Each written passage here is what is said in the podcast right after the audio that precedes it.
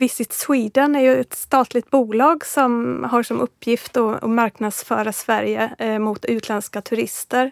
Och på deras hemsida då så kan man ta del av information om vad fredagsmys är. Och genom att fredagsmysa eh, så får turisten då möjlighet att eh, ta del av en svensk kulturupplevelse. Och det tycker jag är så träffande för sizen på det här fenomenet.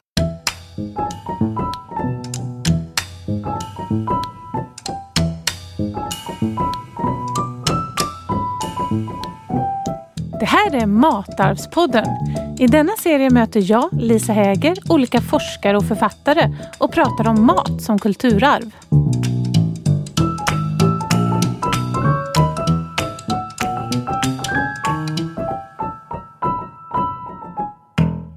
Idag ska vi prata om trendande matarv och då särskilt om utekök och fredagsmys. Och det här är ett ämne som engagerar och som jag vet många är intresserade av att veta mer om. Och vill du veta ännu mer så rekommenderar jag dig att läsa boken Matarvets trådar som eh, har en artikel som mina gäster här i studion har varit och skrivit varsin del av.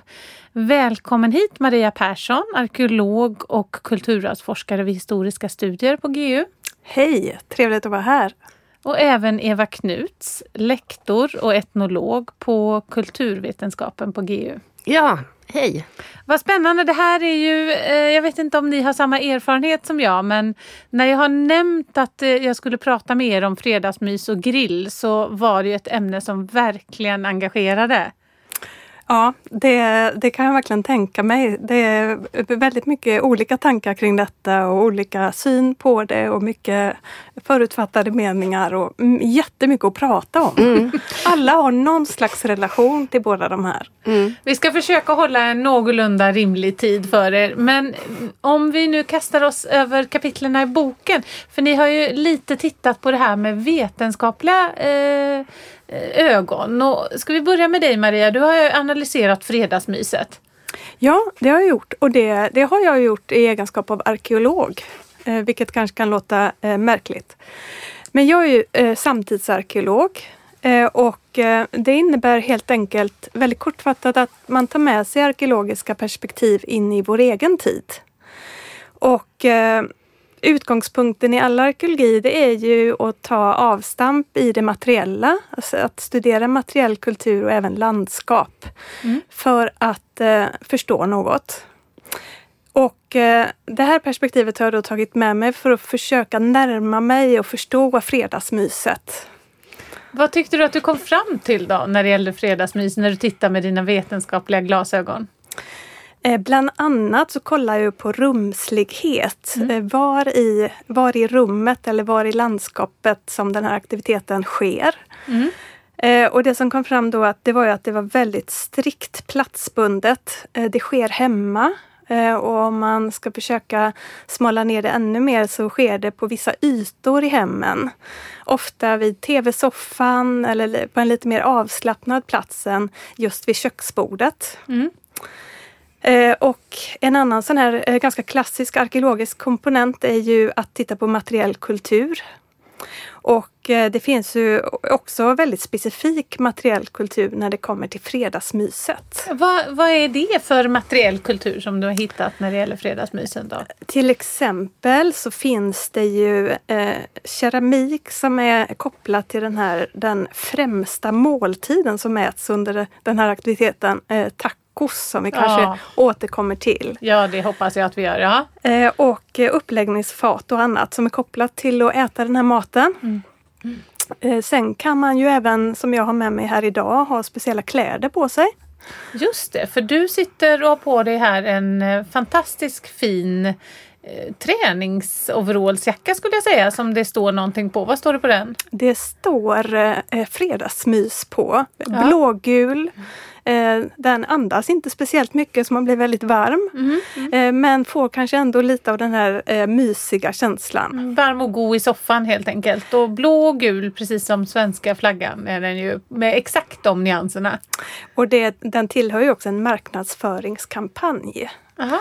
Eh, den är ju skapad i ett sådant sammanhang för att eh, sälja en viss produkt som ja. gärna äts i samband med fredagsmyset. Mm, det kanske vi också ska prata lite mer om. Eh, inte bara tacos utan det andra som man kan äta. Mm. Men det rumsliga som du har tittat på det är ju också någonting som kommer igen i din artikel Eva. Kan inte du berätta om din artikel och vad den berör? Ja, det här med utekök. Och när jag pratat med människor om att jag intresserar mig för utekök så är det ju sådär att ja, ni är etnologer, ni kan intressera er för allt. Och det kan ni!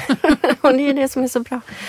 Eh, jag kom in på det här spåret eh, för att jag skrev en artikel tidigare som handlade om trädgård, men egentligen inte om blommor och så, utan vad människor har sin trädgård till. Och då ställde jag frågan om det var eh, något projekt de planerade eller drömde om och då dök det här med utekök upp väldigt mm. mycket. Och jag har själv en eh, kolonistuga och jag har många grannar där som också eh, håller på och bygger eller har byggt och använder sina utekök. Så det här intresserar mig, liksom köket ute och vad det kan stå för. För Jag tyckte också att det dök upp mycket när det handlade om eh, ja, men olika typer av inredningstidningar där ute och inne flyter samman. Mm. Där det vi har utanför huset får liksom samma samma, ja men det påminner om det vi har inne. Vi kanske har en utedusch, vi kanske har kök och så vidare. Liksom att inne och ute flyter ihop. Och just det där att vad står då uteköket för? Vad är det för typ av mat man lagar där och hur tänker man kring uteköket? Jag tycker också det är spännande med tanke på att vi har en relativt kort sommarsäsong. Och så ja. lägger man så oerhört mycket energi, möda och, och tårar och svett och blod, ibland kanske till och med, eh, för att göra det här uteköket. Och, och liksom vad, vad står det du tycker att det verkar mer naturligt med den australiensiska barbecuen än den svenska? Ja, eh, och det finns ju vissa influenser från amerikanskt håll och så också mm. i de svenska uteköken. Men, men det är som att man bygger för att vi inte har några mygg och att vi skulle ha sommar nästan året runt. Mm. Mm. Men jag tror att ja, nu kanske jag avslöjar lite det som jag tänker kring det här med utekök. Mm. Men det är väl det där att det står för den där drömmen om en lång sommar. Så även om man inte använder uteköket den här tiden så kan man stå där kanske och titta på det och drömma om sommaren som kommer så och du, minnas. Du menar att det är inte, all, det är inte bara så att uh, man tänker på uh, romarriket utan man tänker också på uteköket när man fantiserar? Ja, fast mm. det kan också vara att det är samma del av befolkningen som drömmer om båda delarna. för vad är det för mat man framförallt lagar där? Eh, i, både de människor som jag har haft kontakt med, som jag baserar mycket av artikeln på, men också en del sociala medier där jag följer uteköksgrupper, som det finns förvånansvärt många av. eh, så, så är det mycket fokus på grillen, även om det inte är hela uteköket, utan uteköket kan ju bestå av fler delar. Att man kan både förvara mat och, och hängdel och där man kan diska och, och skölja grönsaker och sånt. Så är det mycket fokus på grillen och då är det också mycket fokus på kött. Mm. Så det är ju det här att grilla olika saker. Och grilla eh, är ju inte något nytt i historien, eller vad säger du eh, Maria som arkeolog? Eh, nej, det kan man ju minst sagt säga att det inte är. Hela den här rörelsen är ju spännande. att Först så lagar du mat ute, sen får du faktiskt möjlighet att laga mat inne och sen går du frivilligt ut och lagar mat igen. Eh, jo men det, det, här med att laga mat ute har ju såklart jättelånga traditioner. Och jag vet att du skriver om också Eva, det här med till exempel kokgropar. Eh, och man kan ta li lite kort kring vad det är bara. Mm. Det är en slags uh, utekök verkligen. För det är också en, en slags anläggning. Uh, för det går ju ut på att du, du gräver en, en, en grop helt enkelt och så uh, lägger du ner uppvärmda stenar som har legat in i elden. Och du lägger även ner din mat där, till exempel kött eller, eller fisk inslaget i näver eller något annat. Eh, och så får maten ligga där bland de här jättevarma stenarna och så eh, täpper du till gropen då med, eh, med torv eller annat och så eh, sker det ju en slow cooking, det är en slow food. Mm. Eh, så man kan inte vara superhungrig när man börjar med sin kokgrop. Utan det får vara där i några timmar eh, och sedan så avtäcker man den, den här torven och plockar upp maten. Och det blir väldigt mört och fint. Mm. Eh, och, och det här har ju människor gjort sedan sen stenålder och, och framåt.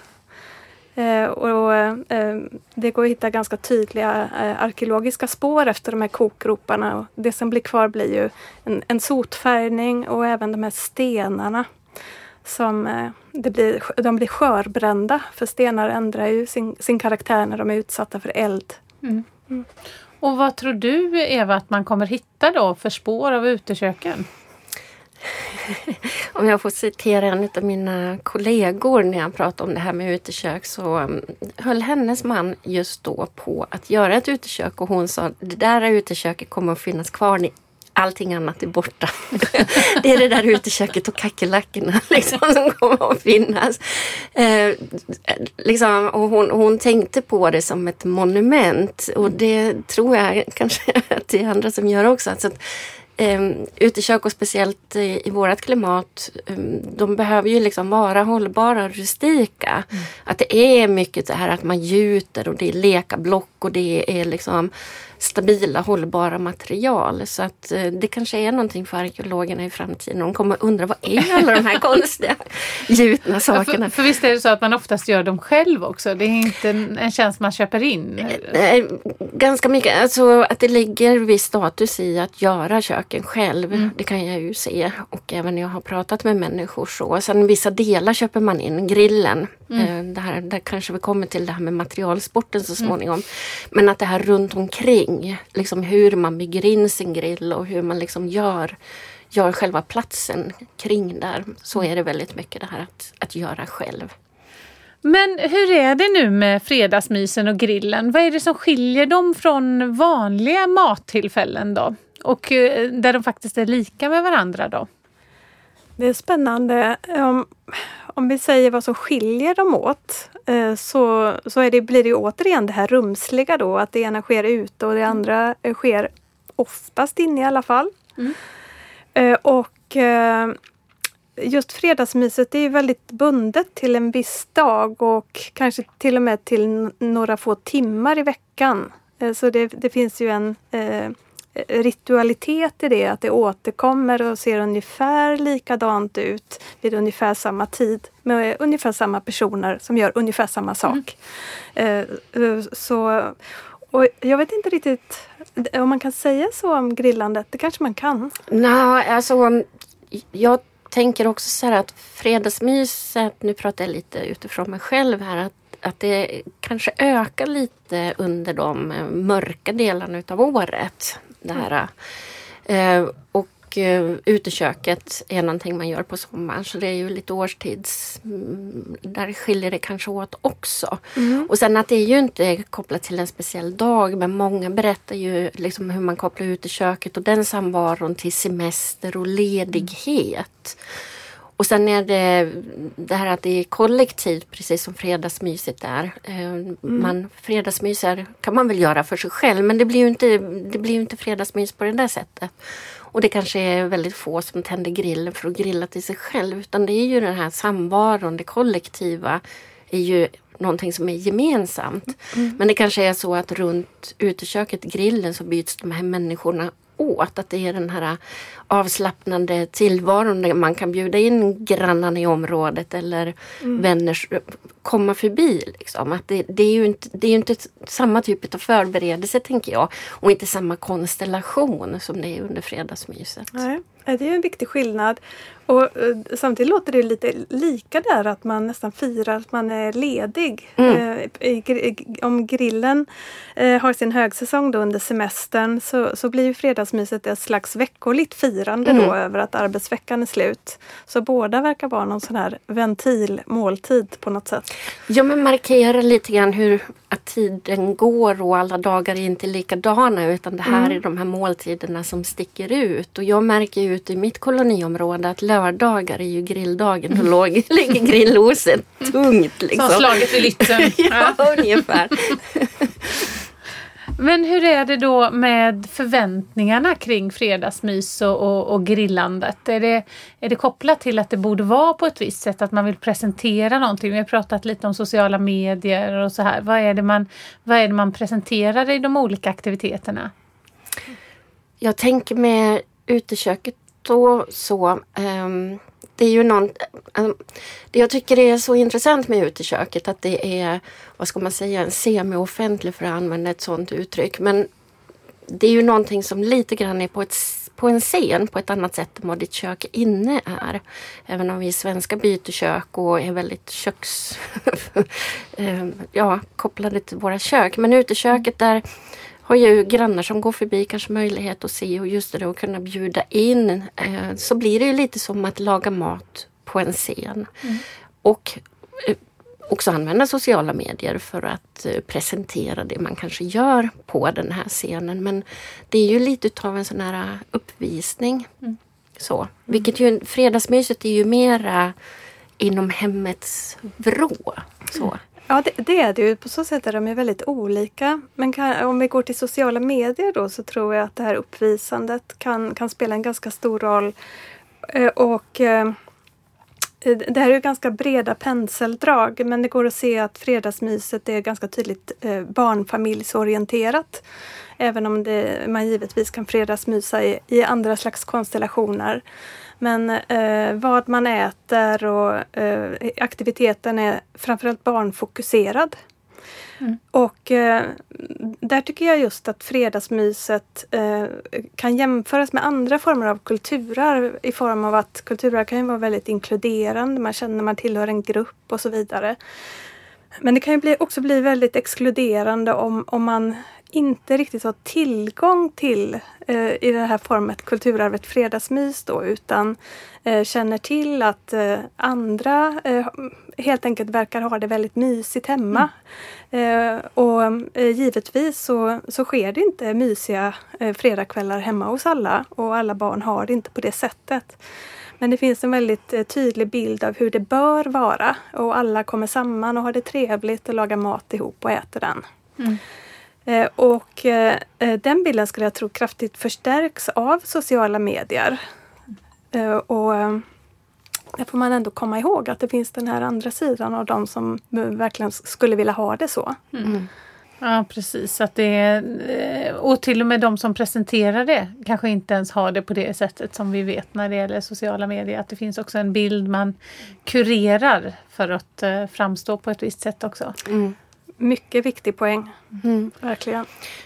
Ja, för när man tänker också då utekök och grillandet, där finns det också en exkludering i att för att kunna laga mat på ett utekök så behöver du ha ett ute. Mm. Och det är ju långt ifrån alla som har. Eh, och eh, hemma i stan där jag bor, där står det ju att det är förbjudet att mata fåglarna och ha grill på balkongen. Så att det, där är det ju, då är det ju många som inte kan, kan heller leva upp till den här drömmen om liksom, uteköket och den samvaron. Och mm. så. Lite tajt också kanske att bygga ett utekök på balkongen. Ja, eh, om man en, ens fick det då. Ja, så kanske det, det man inte har sin balkong. Ja, det verkar jättekonstigt att bygga ett utekök med en kokplatta bara och stå mm. där och koka potatis. Alltså vi... Ja, samtidigt så det dyker ju upp lite, alltså nu kommer jag kanske in på ja, lite annat spår här men jag, tänk, jag, tänker att det finns en del i det här som handlar om formen och en del som handlar om funktionen. Mm.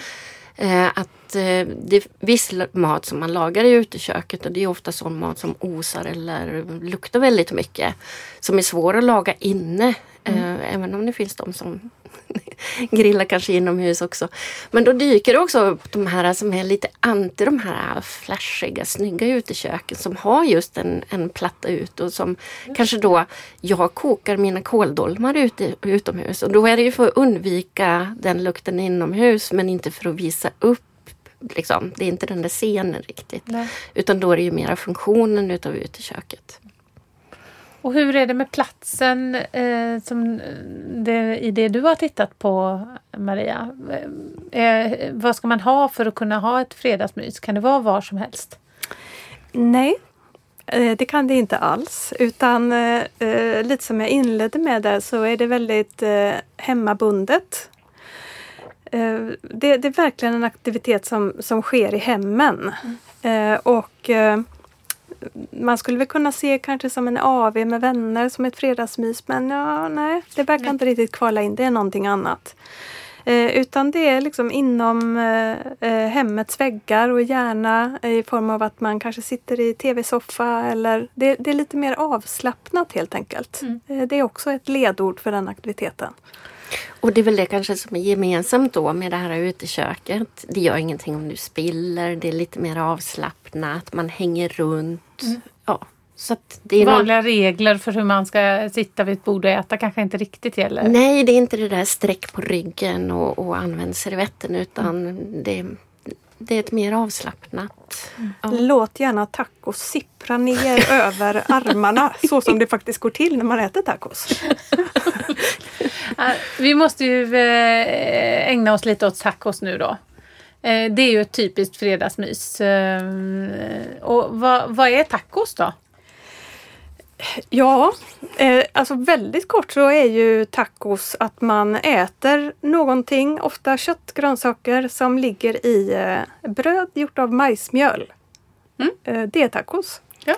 Eh, och, och, eh, och, det är jättespännande att eh, fundera på eh, hur, hur den här eh, explosionen har skett av det här med tacos och hur det har hållit i sig väldigt länge. För jag kommer ihåg att jag på 80-talet åt tacos på helgen med mina föräldrar och nu befinner vi oss väldigt mycket senare. Men det här med tacos och tex-mex-trenden som det hör till, det lanserades ju på 80-talet. Och eh, det satte inte direkt fart direkt i början men eh, eh, efter ett tag så gjorde det verkligen det. Mm. och, och nu är det ju det som, som människor framför allt kopplar till, ska man säga en, en rätt som hör till fredagsmyset så, så är det ju tacos. Eh, och man kan bara tänka på de här, eh, jag höll på att säga eh, milslånga hyllorna i affären, men det, det är ju lite överdrivet. Eh, men men det, finns, det är ju en jättestor avdelning bara för tacos och tex-mex maten i en stor mataffär. Det är ganska spännande att bara gå, gå och titta på det. Mm. Ja, sillavdelningen är tyvärr inte lika stor. Nej, den är mm. lite mm. mer eh, avgränsad. Mm. Eh, tyvärr, men det var en person, personlig tyckande där. och vi har varit inne på att det är lite mer eh, avslappnat eh, och eh, eh, det verkar också som att det, det, är lite att man tillagar en mat där alla kan ta lite vad de gillar. Det är alltid så att någon vill inte äta lök och någon vill inte äta paprika och så vidare. Mm. Eh, så det är en ganska bra rätt på det sättet att i en familj så, så kan man ta lite vad man gillar här. Mm. mm. Och det, det blir ju som en liten minibuffé ungefär. Plockmat. Mm. Ja, just det. Det kan man säga. Och sen tänker jag med tacon också att, att det finns alltid någonting som alla kan göra, hjälpa till att göra. Mm. Oavsett hur liten eller stor du är så, så kan man få ansvar för att öppna burken med guacamole om inte annat. Men ja. att alla kan hjälpa till att laga.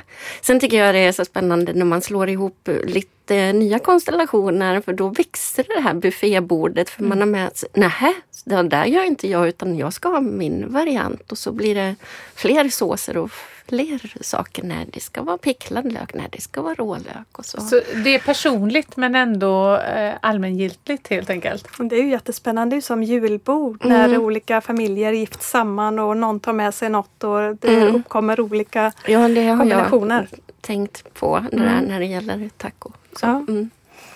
Det har ju kommit massa nya kokböcker med taco och hur man lagar lite så eh, eh, fintaco om man säger så. Och det är mest män som ger ut det. Eh, tänker vi att, att eh, tacos kan vara manligt? Jag har nog inte tänkt på det Nej. sättet. Nej. Nej. Utan väldigt mycket familj, barn. Att det hör till hemmet ja. ja. Men om vi fortsätter till grillningen då och mm. grillningens manlighet. Där känns det ju ändå ganska eh, odiskutabelt att det är en manlig syssla. Ja, ehm, det är det ju. både bland de som jag har pratat med men också när man tittar i ja, kokböcker och sociala medier och så vidare så är det ju mycket det här att mannen står vid grillen. Jag hittade ju också äldre kokböcker från 50-talet som just också säger att det här är ju någonting som mannen kan göra och hjälpa till i hushållet med. Och det är ju intressant tänker jag också där, det här om man tänker ut uteköket lite grann som en scen. Eh, det här att så, så fort det blir lite statusfyllt och någonting som går att visa upp så så är det kanske männen som eh, står där på scenen lite oavsett vad det handlar om.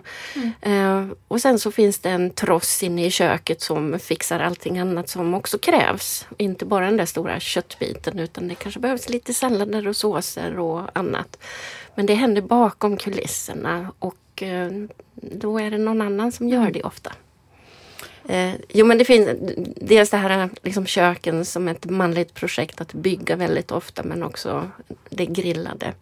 Men det är klart att det dyker upp också kvinnor i, och eh, utekök men då brukar de ha en annan eh, lite känsla så. Då är det mer sådär eh, hur du gör en härlig sommarsallad du tar det närodlade. Liksom, då får köket mera vara den här platsen där man sköljer grönsaker och står och luktar in din trädgård ungefär. Vi har ju också pratat om det här med marknadsföring lite snabbt och hur man säljer in. Du sitter ju med en, en marknadsföringssak eh, på dig här med den här fantastiska eh, sportjackan Maria. Mm. Och hur är det man marknadsför fredagsmyset då? Ja, det är ju verkligen någonting som många har nappat på. För människor vill fredagsmysa, få nya idéer för det. Eh, så så det, det är ju en eh, jätteviktig ja, marknadsföringstrend för att sälja till exempel ostar eller ja, chips är ju det kanske ja. det främsta exemplet.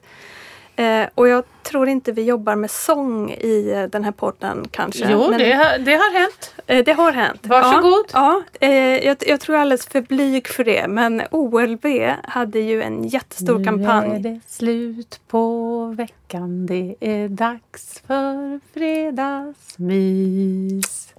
Tack, tack. Eh, precis.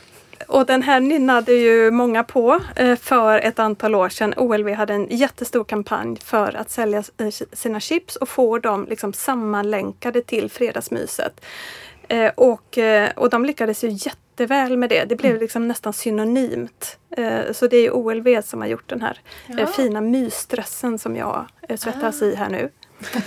Eh, och, och, de är inte alls ensamma. De var tidiga men de är verkligen inte ensamma om det här utan eh, det, kan, det, kan, ni tänka på nästa gång ni går till en stor mataffär att eh, det står tips för fredagsmyset lite här och där. Liksom i osthyllan eller i godishyllan så, så dyker det här upp. Och det går även att eh, växla upp en nivå och säga att eh, faktiskt Sverige i sig marknadsförs eh, med fredagsmys. Det säger ju något om eh, vilken nivå det här ligger på. Eh, för eh, Visit Sweden är ju ett statligt bolag som har som uppgift att, att marknadsföra Sverige eh, mot utländska turister. Och på deras hemsida då så kan man ta del av, information om vad fredagsmys är och att eh, eh genom att fredagsmysa eh, så får turisten då möjlighet att eh, ta del av en svensk kulturupplevelse. Eh, och, och, det tycker jag är så träffande för eh, sizen på det här fenomenet. Mm. Mm. Tror du en svensk skulle säga det? Hej och välkommen och njuta av mitt kulturarv som är fredagsmys? Ja men där skulle jag nog vilja bli lite allvarlig och säga att det, det faktiskt finns ganska många som skulle säga det. Mm. Eh, om eh, vi skulle ha frågat ett antal människor vad som är eh, viktigt i deras liv eller i deras vecka så, så, eh, så tror, tror jag att ganska många skulle lyfta det. Mm. Eh, och även kommer lyfta det. Nu är det här en pågående mattrend eh, som inte ser ut att falna på något sätt. Men jag tänker när man, det är ofta så att man berättar vad man gjorde när man var barn och sådär. Så tror jag att det kommer vara en viktig del av eh, matupplevelser och matarv som många kommer berätta. Mm. De som då haft möjlighet att fredagsmysa. Och hur det har gått till. För även om vi har generaliserat ganska mycket nu hur det går till och så, så finns det ju såklart eh, olika varianter av det här. Vad, vad man äter och hur och vad man gör och så. Hur är det med marknadsföring och utekök och grill då? Ja men det tycker jag har ökat under senare år. Att det har dykt upp allt mer med det här det är inne att vara ute som en lite slogan kring det. Eh, och eh, ett av de stora svenska möbeltillverkarna har ju också utekök i, sina, i sitt sortiment numera där man kan köpa Aha. olika delar och bygga ihop och så. Det här småländska alltså? Ja. ja. Mm. Eh, så där kan man köpa utekök. Så. Eh, men också andra alltså, företag som säljer enormt dyra stora utekök. Kanske mest med tanke till restauranger som vill ha utekök, att man kan grilla utomhus. Så. Men det kan ju kosta jättemycket. Sen är det ju alltid lite vanskligt. Om man själv har intresse för någonting så ser man ju det överallt också. så det är kanske inte alla som har sett utekök riktigt på samma sätt som mig. Men jag tycker ju att det finns med mycket. Och tittar vi på, på populärkulturella uttryck så har vi ju många på tv som bygger utekök och lagar mat i utekök. Mm. Alla möjliga program där det återkommer som en del utav liksom en sommarupplevelse. Och du berättade också för mig att eh, köttdisken förändras lite med vädret och eh, säsongen. Ja, eh, köttdisken, halva köttdisken, där står ju liksom grill med flammor över hela eh, med diverse delar då som, som är liksom lämpade för grillen eller färdigmarinerade, färdigkryddade för grillen.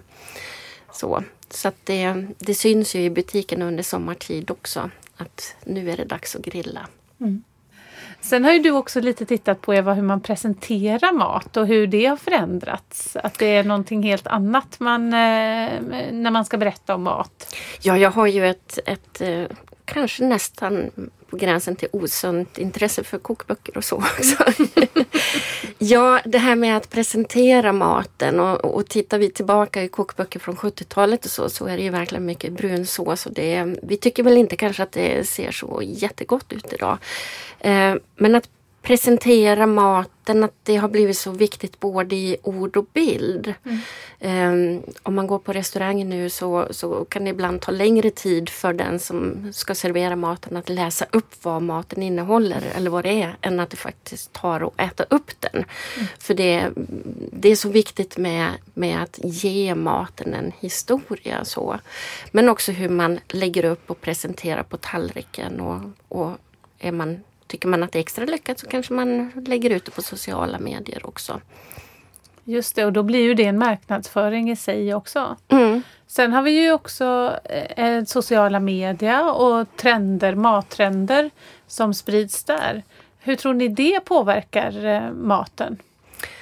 Du tänker sådär TikTok och Youtube och så. Ja. så, så eh, det, jag vet inte hur det påverkar på lång sikt men där kan man ju säga att vissa saker kan trenda. Det kan trenda under några veckor och sen nästan falnar. Mm. Men jag tror samtidigt att den typen av filmer som visar fram hur enkelt det är att laga mat. För ofta så är de ju lite hopklippta, uppspeedade. Allting går mycket eh, snabbare och ser väldigt lätt ut. Att det kan väl väcka intresset för att laga mat och, och kanske prova på saker man inte skulle ha provat mm. annars. Som en hemkunskapslektion på tre minuter. Mm. Ja. ja. och det är inte som det är en av mina gamla kokböcker. Tag ett kalvhuvud och koka sakta i 24 timmar. Det är någonting annat. Och den kalvsyltan skulle jag vilja göra någon gång ska jag säga också. Ja, jag, jag har ju ett nytt intresse av att laga mat kring den här franska kokboken, den här Julia Childs. Det är ju inget quick fix kan jag säga. Utan man får ju avsätta tid om man ska ge sig an mm. hennes olika rätter. Eh, men å andra sidan så är det ju tio sidor om ägg bara. Mm. Så att man får ju mycket tillbaka om man hänger sig.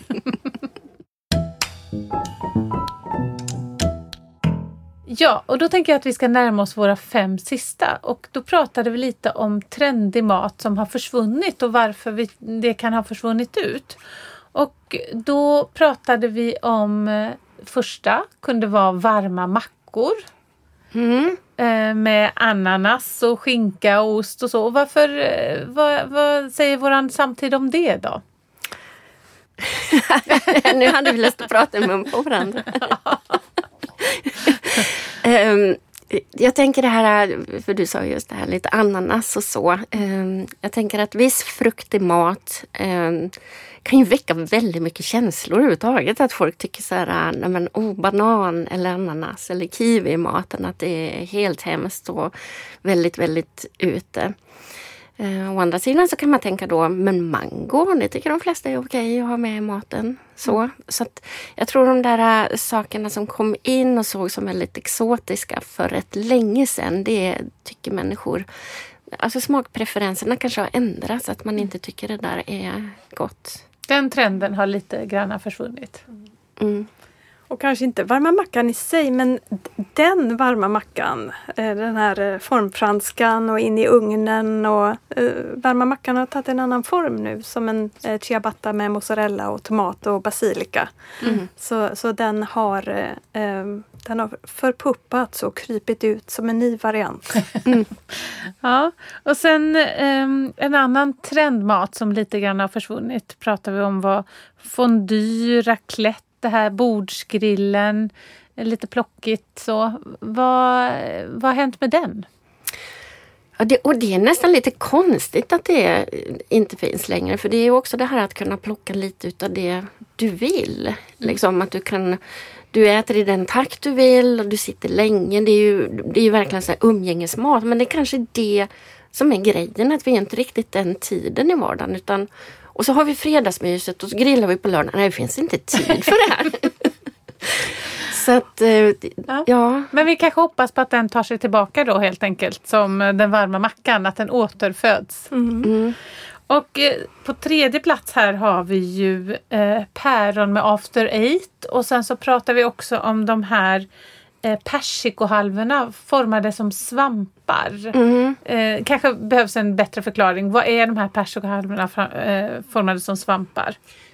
Ja, det kan ju göras på lite olika sätt men som jag minns det så gjorde mamma i ordning typ en bakplåt och så la hon eh, jag minns inte exakt vad hon la i botten men de, man skulle liksom ställa upp en del och sen så lägga den här persikohalvan som själva svamp kan det vara banan i botten? Ja, ja, banan, en liten bananstubbe och sen den här, nu tänkte jag säga som svamp Ja men själva svamphuvudet ja, ja. heter det inte, nu tappar jag. Ja. Hatten? Hatt, svamphatt heter mm. det.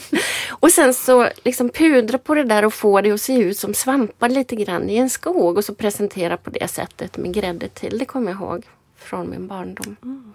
Och vad, vad, varför har det försvunnit ut då? Varför är det inte det så trendigt? Det låter ju väldigt hippt. Det där är en jättebra fråga. Och det, just det med efterrätter, det, det känns ju som det är liksom en, ett spår i sig där också saker kommer. Som kladdkakan har varit med jättelänge och börjar kanske, det är ingen större överraskning längre så. Ehm, men just de här konserverade ägghalvorna och de här eh, päronen som utgör stommen då, det som ligger under after eighten. Ehm, det är också den här konserverade maten som var ehm, ja, ganska ny och väldigt check helt enkelt eh, mm. när det kom. Att man kan ha det hemma och det är ganska billigt. Man behöver inte köpa. Jag menar persikor var ganska svårt att få, få tag på just när, eh, när när vi började äta dem som konserv. Mm. Eh, och nu, nu tycker vi på ett annat sätt att vi verkligen vill ha färsk frukt. Att det är det som är mm. eh, det, det, som vi vill nå. Eh, så eh, det, det, är något speciellt med den där konserverade frukten som dessert. Mm. Och det är ganska gott. Det är gott. Alltså, jag blev väldigt sugen på att göra de här svamparna. Ja. jag sitter och tänker på hur jag ska köpa för det är ju svårt att få tag på konserverad frukt också. Mm. Det är inte och det har blivit dyrt ja. faktiskt ja. om man jämför. Ja. Mm. Eh, och sen mjölk är ju någonting som lite grann har försvunnit men inte all mjölk, eller hur?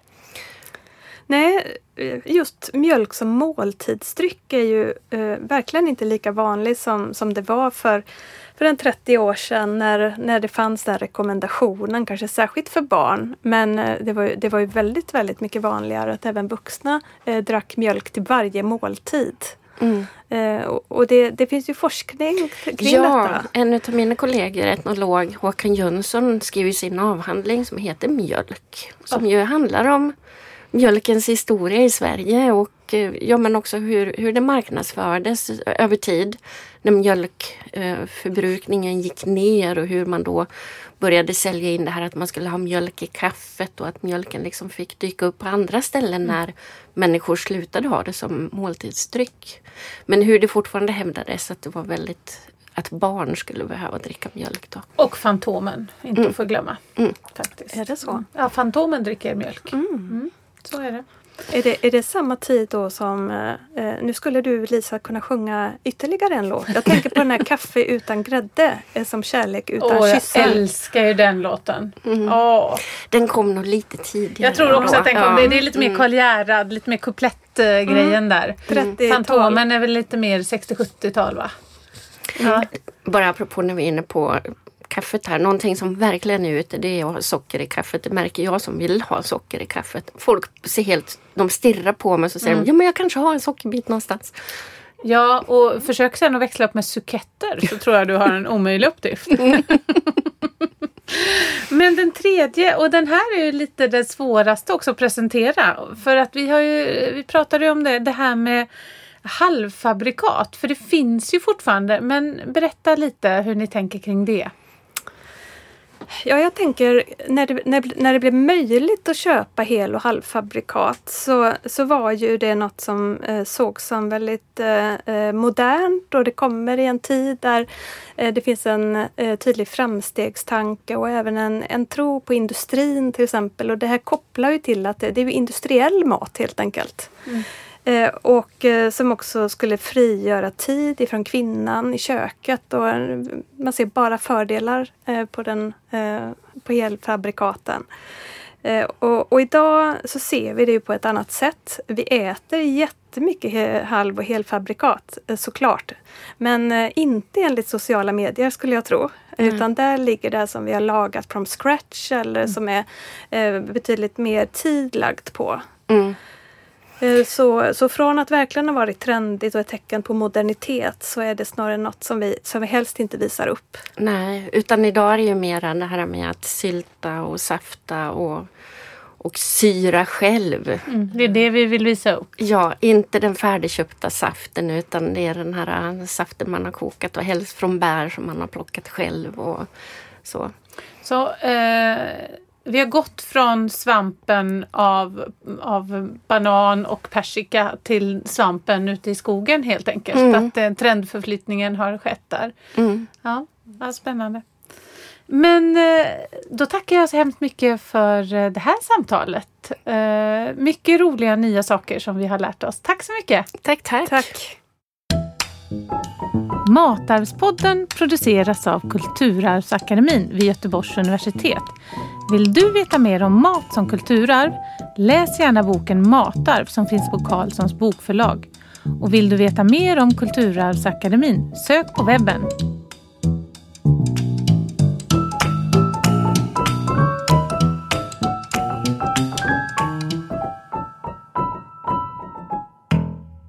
Matarvspodden finansieras av bidrag ur stiftelsen Gustav Adolf Bratts föreläsningsfond och Centrum för kritiska kulturarvsstudier vid Göteborgs universitet.